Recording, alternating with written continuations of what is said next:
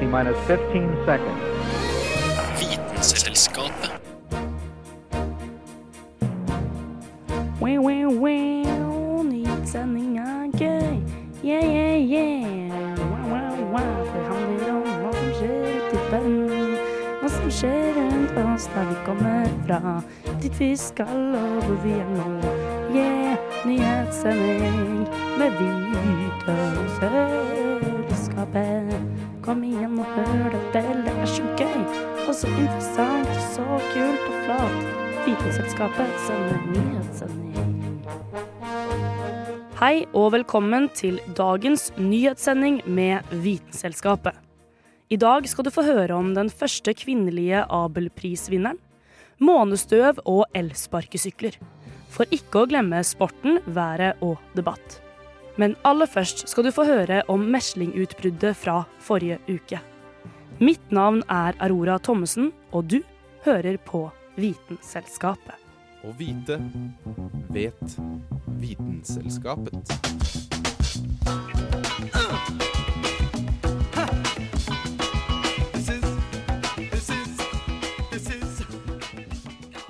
Mandag 18. mars fikk vi vite fra forskjellige medier om at én person i Oslo hadde fått påvist meslinger og ble innlagt på sykehus. Det viser seg nå at denne personen er en helsearbeider ved legevakten i Storgata i Oslo, og at personen skal trolig ha blitt smittet av en pasient som var innom noen uker før. Oslo kommune prøver å finne ut hvem som kan ha blitt utsatt for smitte, og ber folk være oppmerksomme på symptomer og kontakte lege per telefon før mistanke om smitte er avkreftet. Det var før en veldig vanlig barnesykdom, men etter at MMR-vaksinen kom i 1969 og folk tok denne, trodde man at denne sykdommen nærmest var utryddet i Vesten. Dette var før et par år siden, da stadig flere utbrudd ble rapportert i både USA og Europa. Og nå øker antallet i Norge også. Folkehelseinstituttet opplyser at antall tilfeller av meslinger i Norge har gått fra null i 2016 til ett i 2017 og tolv i fjor. Og årsaken til dette er at færre er vaksinerte. Meslinger er en av de mest alvorlige barnesykdommene og kan forårsake hjernebetennelse, lungebetennelse og i verste fall død. Meslinger er også en av de ledende dødsårsakene blant unge barn globalt. Og dette er grunnen for at det anbefales sterkt å vaksinere barn, slik at man oppnår en flokkimmunitet, og som vil beskytte da de som faktisk ikke kan vaksineres. For det er sånn at dersom nok mennesker vaksineres mot en sykdom, vil det på sikt ikke være behov for å ta vaksinen. Men når man er i den situasjonen som man er i nå, med flere tilfeller av meslinger pga. at færre barn blir vaksinert, reduseres sjansene for å utrydde sykdommen. Verdens helseorganisasjon utpekte vaksineskepsis som en av de ti største truslene mot god helse globalt i 2019. Og i noen norske kommuner ligger vaksineandelen allerede under kritisk nivå. I fjor ble det vedtatt i bystyret i Oslo at man bør kartlegge hvem som lar være å vaksinere sine barn, og hvorfor. Samt utlede tiltak for å øke bevisstheten rundt barnevaksinasjonsprogrammet. Forslaget om obligatorisk vaksiner ble nedstemt. Folk mener at tvang må være den siste muligheten i et samfunn som vårt. Likevel ser vi at vaksineskepsis fører til at andelen vaksinerte nærmer seg et kritisk punkt. Og da kan tvang bli nødvendig. Myndighetene kan imidlertid ikke vente på dette, for da er det egentlig for seint. Og sist, men ikke minst vaksiner gir ikke autisme. Dette har blitt motbevist flere ganger, og han som mente dette i utgangspunktet, har blitt tatt for juks. Vaksiner er et av de rimeligste og mest effektive tiltakene for god folkehelse, og har revolusjonert den globale helsetilstanden vår. Og takk til reporter Anna Vik Røsseth. Oslo 2 igjen, Oslo 2. Dette er Vitenselskapet. Radio November, Oskar. Viktor. Alfa.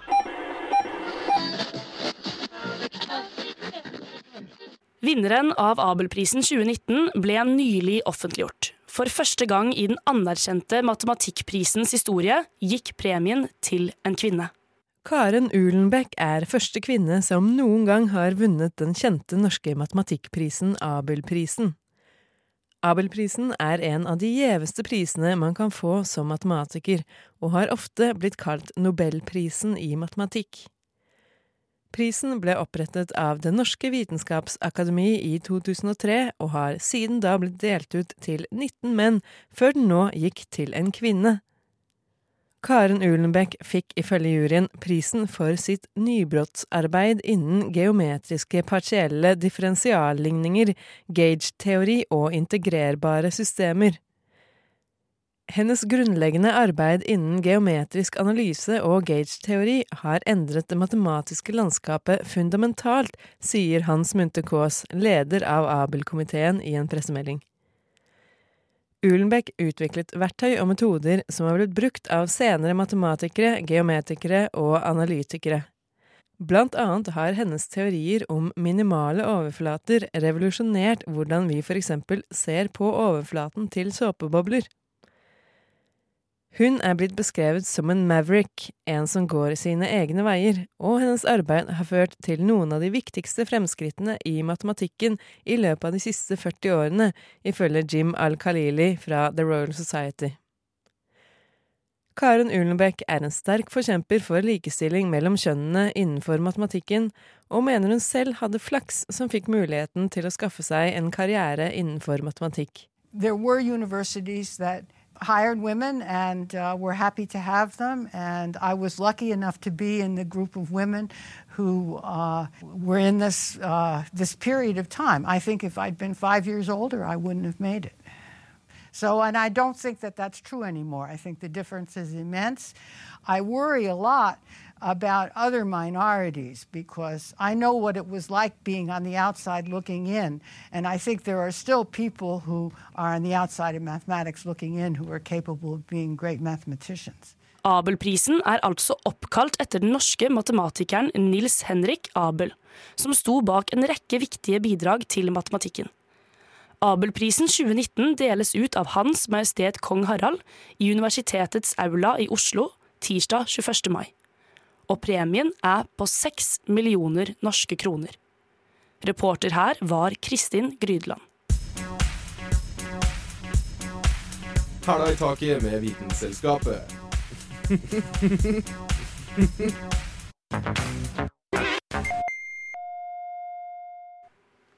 Og nå skal vi bevege oss ut i verdensrommet for å høre om noen astronomiske nyheter. Vi skal nemlig høre om det som er å finne på månen. Julianne Li Fjell har mer å fortelle oss om dette.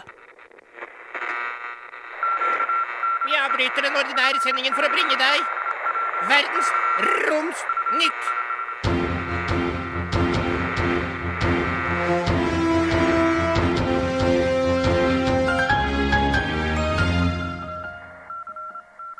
The surface appears to be uh, very very fine grained as you get close to it. It's almost like a powder.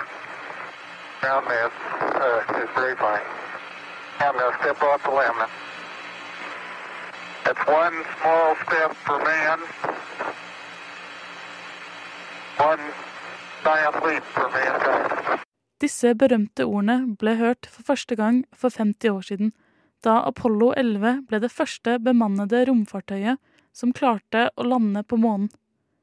Siden det har fem andre romfartøy også begitt seg ut på reisen, og det de alle hadde til felles, var et mål om å lære mer om både månen og verdensrommet. Det ble derfor tatt med flere prøver av forskjellige månesteiner, altså støv og steiner fra månens overflate som skulle bli studert her på jorden. Til sammen har det blitt tatt med omkring 380 kilo materiale fra månen i løpet av de seks utenomjordiske turene. Men på 60- og 70-tallet, da alle disse prøvene ble tatt, fantes det ikke tilstrekkelig teknologi til å gjøre målinger på prøvene. I hvert fall ikke gode nok målinger. så NASA forseglet prøvene og har til nå beholdt dem unna både andre og seg selv.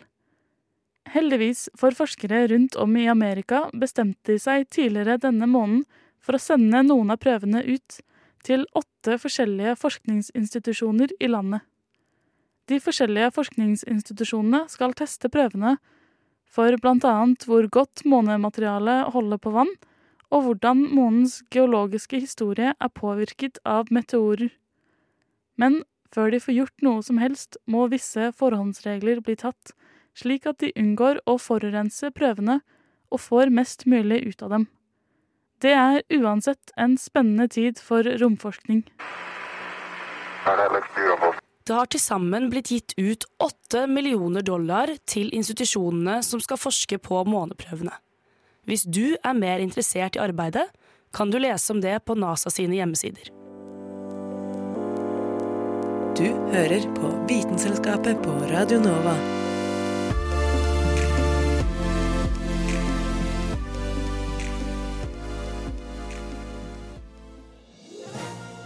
Og nå setter vi over til de nyeste vitenskapelige sportsnyhetene.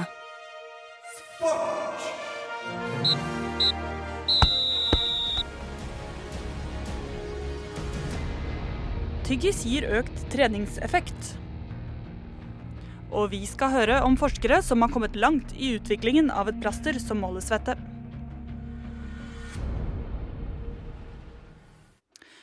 Formiddag og velkommen til Vitenselskapets sportsnyheter. Nye kjemiske plastre kan bli en realitet om kort tid, hevder forskere. Plastrene er kjemiske sensorer som kan klebes på huden og registrere svettenivå. Det er amerikanske forskere som står bak nyvinningen, som i første omgang skal hjelpe profesjonelle idrettsutøvere til å prestere bedre. Den nye svettesensoren er både batterifri og trådløs, og består av et trådnett av små kanaler fylt med luft, som gradvis skifter farge når væsken fra huden presses inn i kanalene. Sensoren vil kunne gi informasjon om svettens kjemiske sammensetning, og skal måle bl.a. konsentrasjonen av melkesyre, salter og mengde vann i kroppen. Informasjonen fra sensorene kan derfor bl.a. fortelle utøverne når de bør drikke mer.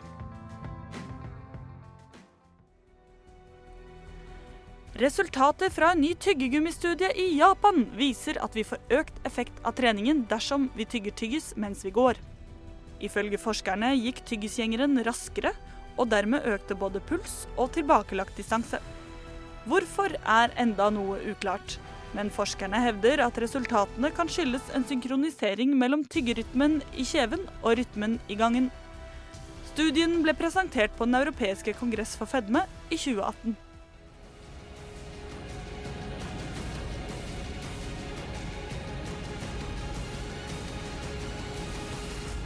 Mitt navn er Birgit Ski, og du fikk dagens sportsnyheter. Vitenselskapet. Vitenselskapet på Radio Nova.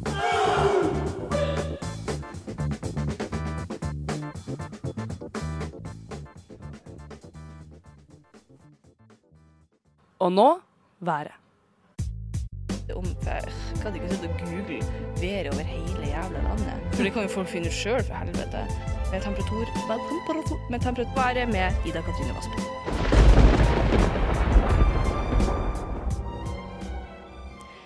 Polart lavtrykk vil ramme Nordland og Trøndelag. Det vil si et relativt intenst lavtrykk knytta til kaldluft fra isen i Arktis eller områdene rundt, og det kan føre til en del vind. Derfor er det ikke mye vår å juble for der, men på Østlandet derimot så kan vi forvente vårvær og temperaturer opp mot doble sifra. Og det er mye snøskredfare på Vestlandet. Og over til litt klimavær nytt. Vi går nå over i den hundrede måneden med temperaturer over normalen på Svalbard. Det vil si at temperaturen har steget med 5,6 grader siden 1961. Til sammenligning har gradene i Oslo steget med 2 grader, og globalt 0,9 innenfor samme periode. I noen perioder har det vært mer enn 14 grader varmere enn normalen på Svalbard. Og for å sette det i perspektiv, så var fjorårets sommer i Oslo bare 3 grader varmere enn snittet. Og det var været med Ida Katrine Vassbotn. Vitenselskapet. Vitenselskap. Vitenselskapet. Vitenselskapet. Vitenselskapet. Vitenselskapet.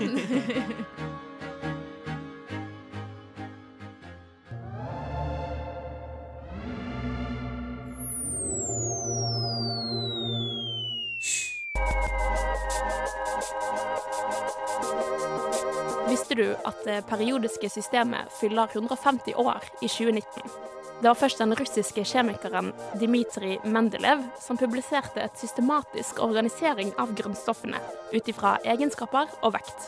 Og det mest imponerende var at han klarte å forutsi egenskapene til grunnstoffer som enda ikke hadde blitt oppdaget, og la da til åpne rom med spørsmålstegn der disse skulle være.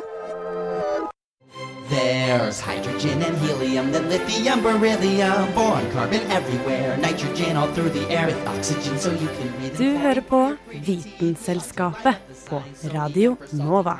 Magnesium, aluminium, silicon, phosphorus, then sulfur, chlorine, and argon, potassium, and calcium so you'll grow strong, scandium, titanium, vanadium, and chromium, and manganese.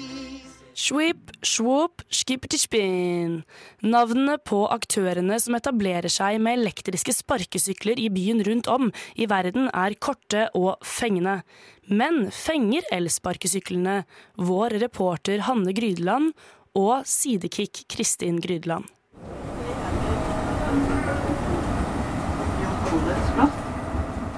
Dette skulle bli en reportasje om å suse rundt på en av de nye elektriske sparkesyklene som har dukka opp i Oslo i det siste.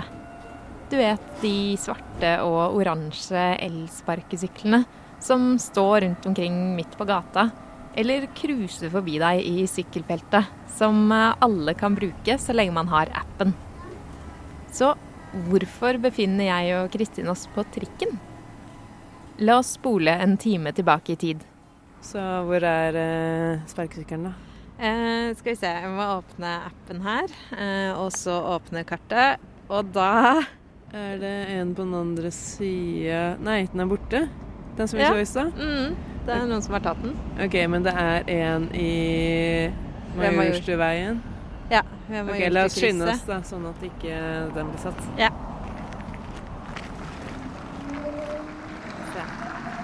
OK, her skal den være et sted.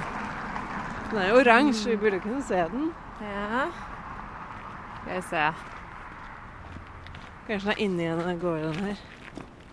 Selv etter en omfattende leteaksjon i et garasjeanlegg og en bakgård, fant vi ikke sparkesykkelen. Den var rett og slett ikke å finne, selv om kartet viste at vi skulle stå rett ved siden av den. Det var ingenting annet å gjøre enn å melde sykkelen savna i appen, og fortsette reisen mot neste sparkesykkel, som skulle befinne seg ved campus på Blindern.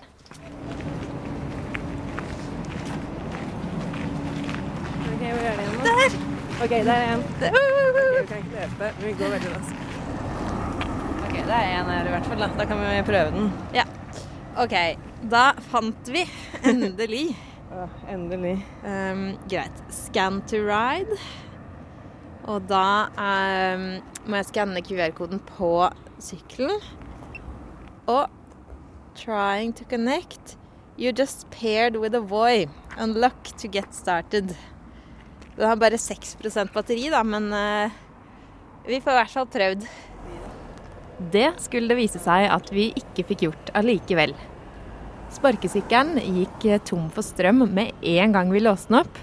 Og vi måtte etter fire minutter innse at den ikke våkna tilbake til liv. Det kosta oss 18 kroner. Det koster nemlig 10 kroner å låse opp en sparkesykkel, levert av det svenske firmaet Voi. Og deretter koster det 2 kroner per minutt. Så lenge turen varer mindre enn 12,5 minutt, vil den altså bli rimeligere enn en rutebillett. En billett det viste seg at jeg og Kristin uansett måtte ha. Vi hoppa på trikken igjen, i håp om å finne en fungerende sparkesykkel. Ja, OK, hvor er den neste? Vi må kjøre Ja. skikkelig. Nå må det være noen flere i nærheten her. Ja. Bortover Det er en- gata. En livbærled Nils Henrik Abelsvei. Ja.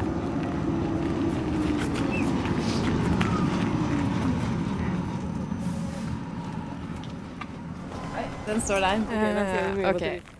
37% batteri. Det var ikke så veldig mye, men eh, bedre enn seks. Ja, greit. Scan to ride. Nå skal det skje, Kristin.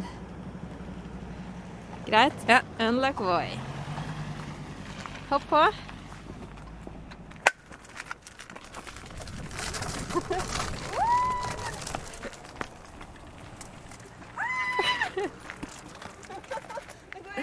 må jo bremse med bakbremsen. Ja, men det er jo sånn bremse her. Den går altså så fort. Vil du prøve? Ja. Det endte altså godt. Etter litt trening ble vi vant til sparkesykkelen og fant like etter en sparkesykkel til.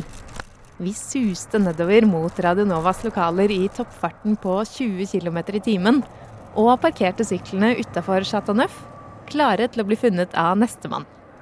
Forhåpentligvis etter en litt kortere jakt, som verken involverer kollektivtrafikk, platebatterier eller forsvunne sykler.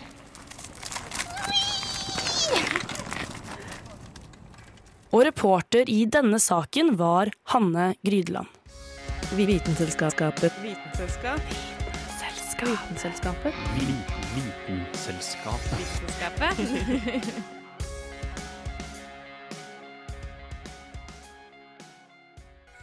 Debatten kommer nå. Debatten kommer nå. Debatt. Vitenskap, debatt, studio. Velkommen til debatten.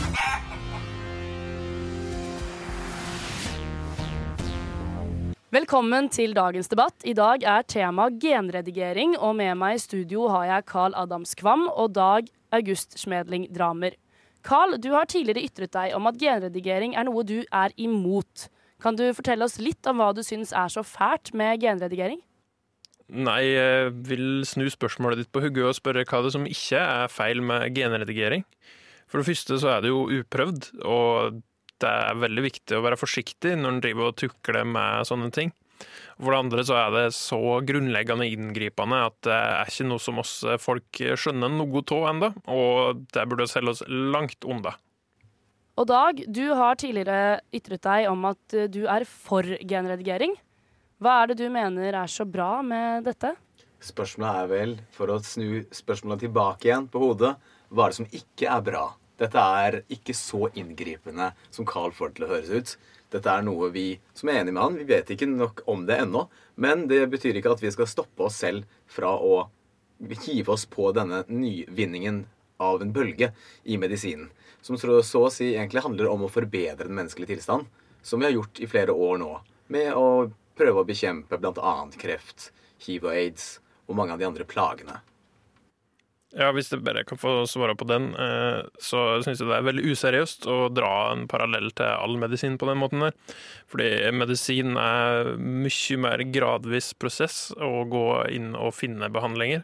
Det er ting som kan skje naturlig. Det er ting som faktisk kanskje menneskekroppen kan tåle, mens du vil gå inn og gå på upløyde marker der menneskekroppen kanskje ikke tåler det så godt. Vi må være pionerer, Carl. Vi kan ikke la oss stoppe av en slags reaksjonær redsel for hva som kanskje kan skje. Vi må prøve dette området. Og jeg er enig, det er risiko, men det er risiko i enhver form for forskning.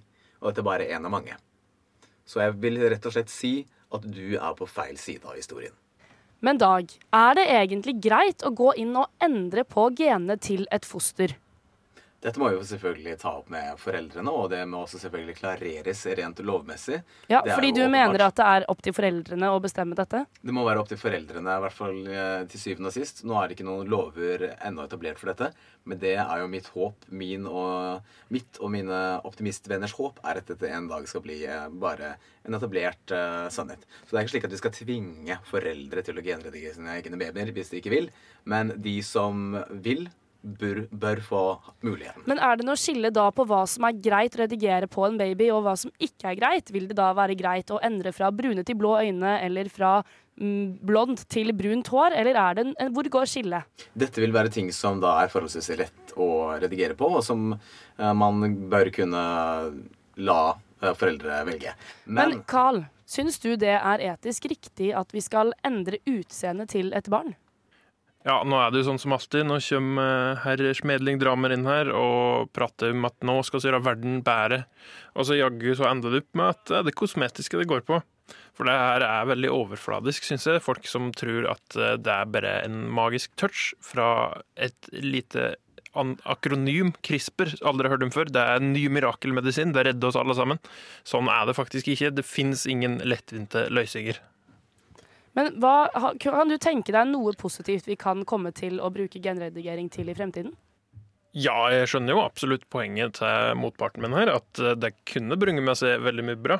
Jeg er bare veldig opptatt av vær varsom-prinsippet, som jeg syns er veldig viktig innenfor all biologi, eh, og alt som har med naturen å gjøre, for så vidt. Det ser jo det nå at eh, vi var ikke så varsomme før vi begynte å pumpe CO2 ut i atmosfæren, men så gjorde det likevel. Ikke gjør ting som kan få konsekvenser som du ikke skjønner. Det er mitt standpunkt. Men for gener nedarves jo fra foreldrene. Og hvis du da går inn og tukler på genene til et foster, så vil jo da eventuelt den tuklingen føre seg videre til neste generasjon. Betyr det da at man egentlig kan utrydde et helt gen? I teorien betyr det at man kan utrydde et helt gen. Men gener blir jo utryddet og uh, hele tiden. Noe som kommer til å skje, og som alltid har skjedd uten menneskers hjelp. Og det er ikke bare det at gener blir utryddet og ikke utryddet, det er også det at de får et uttrykk. Eh, altså eh, fenotypen, genens uttrykk, eh, er noe som man sier nå, da, bør bruke overført språk, og skru på og av gener. Og det er noe man allerede gjør med f.eks. endre kosthold. Så kan man endre genuttrykket. Og dette er bare en litt mer radikal versjon av det. Så det er ikke sånn at vi kommer til å fundamentalt endre på hele den menneskelige tilstand. Det er egentlig mer snakk om å endre uttrykket eh, på genene, slik at man f.eks. unngår sykdom. Spesielt kronisk sykdom. Ja, for det er sykdom som er hovedmålet med dette. Ja. F.eks. hvis man kan utrydde, eller i hvert fall minimere konsekvensene av f.eks. grusomme kroniske livssykdommer som Huntingtons sykdom, ALS og Parkinson. Ja, dette høres jo veldig fint ut. Jeg skjønner. Hva er det du mener at er eh, dumt med det å eh, kunne utrydde alvorlige sykdommer, Karl? Ja, jeg skulle ønske at eh, ingen i verden måtte lide av noen genetisk sykdom, verken ALS eller noe annet. Men det jeg er redd for, er at når vi da har klippa litt i genene, og så ser det bra ut, og så finnes det ut tre generasjoner etterpå at oi, og så er det en ny genetisk sykdom som er enda verre. Du kan ikke vite hva konsekvensene er, og at du håper at det går bra, det er ikke bra nok. Ja, jeg er enig i at vi skal være forsiktige. Det er det ingen som sier at vi ikke skal være. Men det er vel heller det at du, Kvam, du tror at dette kommer til å få fatale konsekvenser, når vi har like liten grunn til å tro at det kommer til å få fatale konsekvenser, som det kommer til å få hyperoptimistiske. Så jeg er ikke en hyperoptimist, jeg er bare optimist med tanke på hva vi kan gjøre med denne nye, revolusjonerende teknologien. Ja, nå er det jo sånn i vitenskapelige fora at eh, det er den som påstår at noe kan gjøre noe, som må bevise det. Det er du som skal bevise at eh, det er en bra ting. Jeg skal ikke måtte motbevise hva du sier. Sånn useriøs eh, debatteknikk, det tåler jeg ikke. Ha det bra. Og med det Og så da tapte han debatten. Og med det så avrunder vi dagens debatt. Takk til Carl Adams Kvam og Dag August Smedning Drammer for at dere stilte opp her i dag. Selv takk. Vitenselskapet.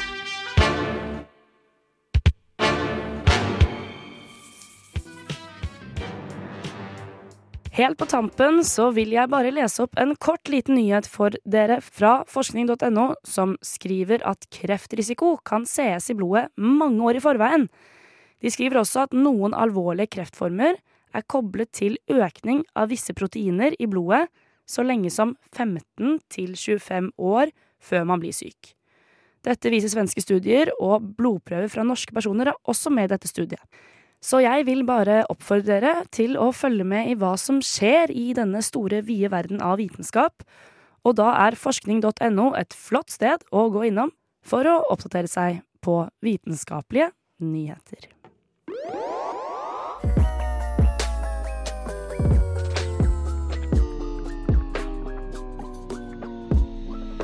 Vitenselskapet.